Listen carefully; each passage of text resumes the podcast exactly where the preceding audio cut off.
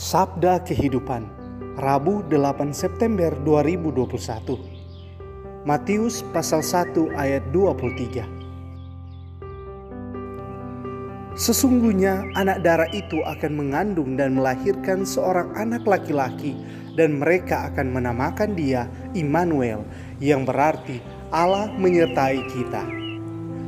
Malaikat Tuhan yang datang pada Yosef dalam mimpinya mengingatkan Yosef bahwa Maria istrinya telah dipersiapkan Allah sejak semula untuk melahirkan sang penebus umat manusia. Oleh karena itu, hadirnya Maria di dunia ini adalah bagian dari rencana Allah untuk melahirkan Kristus, Allah yang menjelma menjadi manusia dan tinggal di antara kita. Hari ini, 8 September ditetapkan sebagai hari peringatan kelahiran Santa Peran Maria. Bila Maria telah hadir di dunia dan melahirkan Yesus, pasti ada satu hari di mana ia terlahir ke dunia. Hari ini menjadi sangat istimewa, bukan karena ada yang hari ulang tahun, melainkan karena rencana Allah yang diwujudkan dengan kelahiran Maria dan kelak melalui rahim Maria lahirlah putra Allah yang menjadi manusia.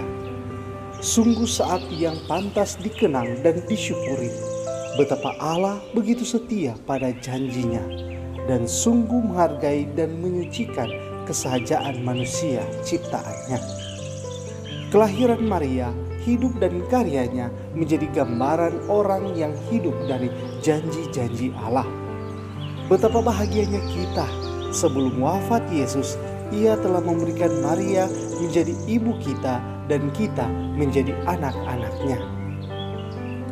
Bunda Maria, doakanlah kami pada Yesus putramu. Engkau yang menjadi mempelai roh kudus, mohonkanlah karunia-karunia roh kudus bagi kami untuk semakin memperkaya hidup rohani dan pelayanan kami.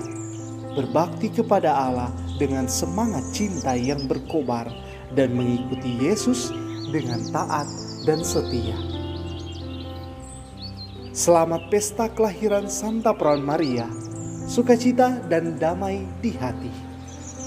Pastor Revitanot PR